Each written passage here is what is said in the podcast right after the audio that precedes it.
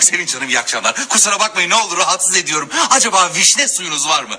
Bir bayan arkadaş misafirim gelecek bu akşam. Kendisine özel bir kokteyl hazırlayacağım. Adı beşten sonra. Nedir bu beşten sonra? Bilmiyorum efendim. Bu zamana kadar kimseye dörtten fazla içiremedim. Hanımefendi bu ne kadar güzel bir kıyafet böyle. Ah ne kadar güzel. İhsan Bey görünce bayılacak. E, sizce de İhsan'a uygun mu? E, tabii yani rengi pırıltısı gayet uygun ama dekoltesi biraz İhsan Bey'in üzerinde sırıtacak. Aman İrfan Bey çok alemsiniz.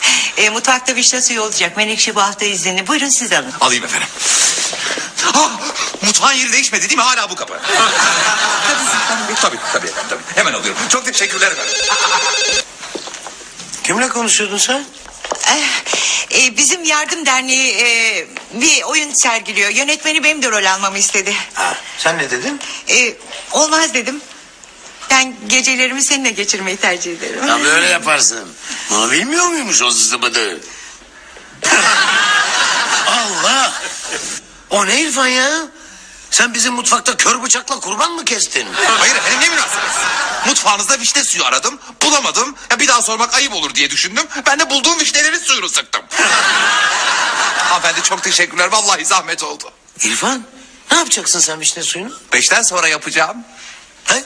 Beşten sonra efendim. Beşten sonra. Yalnız İrfan Bey misafir gelmeden yüzünüzü yıkamayı unutmayın. Neden efendim? Çok mu terlemişim? Vişne suyu sıkma prosedürü esnasında. İrfan, bırak gevezeliği de git elini yüzüne. yıka. Hadi, hadi sular kesilecek biliyorsun. Aman ne zaman ne zamanı beyefendi ne zaman? Dokuzdan sonra beyefendi, dokuzdan sonra. Aman.